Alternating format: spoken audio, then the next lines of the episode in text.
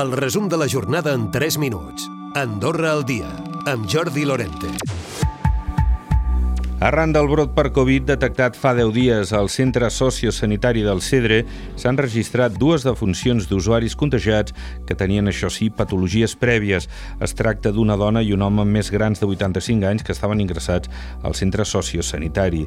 L'executiu no té constància d'altres brots i, de moment, no ha previst aplicar cap mesura restrictiva a nivell general, sinó que és cada centre qui activa els protocols que creu necessaris. Segons la darrera actualització, hi ha una trentena de casos actius, sense que es detecti encara presència de la nova variant d'Omicron al país i calen més esforços per aconseguir la plena reintegració social de persones amb problemes de salut mental després de rebre tractament. És una situació que, segons el cap de salut mental del SAS, s'hauria de tenir en compte a l'hora d'escollir els beneficiaris de pisos socials. És Carlos Mur. Persones que estan força recuperades per tota la seva rehabilitació psicosocial de la malaltia que patien i que podrien tenir accés a un projecte de vida, que són funcionalment estables, no tenen accés ni a un lloc de treball, sigui protegit o no, ni a uns ingressos ingressos estables que li suposin una reintegració a la societat amb un habitatge fixe, per exemple. No? I jo crec que aquest problema és un, un problema evidentment greu un mínim de 20 milions d'euros en ajuts econòmics és l'objectiu d'Afers Socials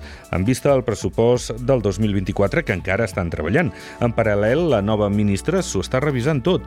És Trini Marín. Potser hi ha gent que es coneix molt bé l'administració i que pot anar a demanar de seguida i d'altres que pot ser per eh, motius bueno, o de por o de vergonya o del que sigui que no ho fan. I jo vull arribar a tota la gent. Tindrem aquest estudi i aquesta previsió. Sempre puc fluctuar una part partida així. És veritat que és una partida que és més ampliable. L'alt funcionari francès Robert Mauri substituirà Pascal Escande com a director del gabinet del representant del copríncep francès al Principat. Escande ha exercit aquesta tasca durant prop de 30 anys i es jubila el proper 4 de setembre.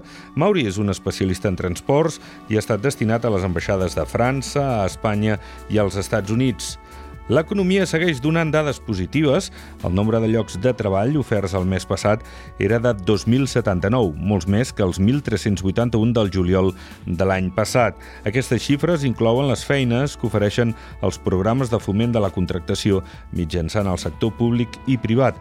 Al juny les vacants laborals eren de prop de 2.700.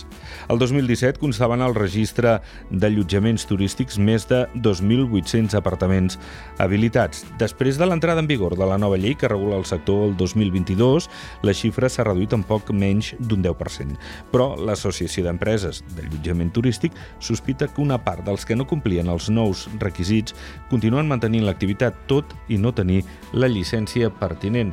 De fet, des d'aquesta associació demanen més esforç a les administracions per evitar l'intrusisme.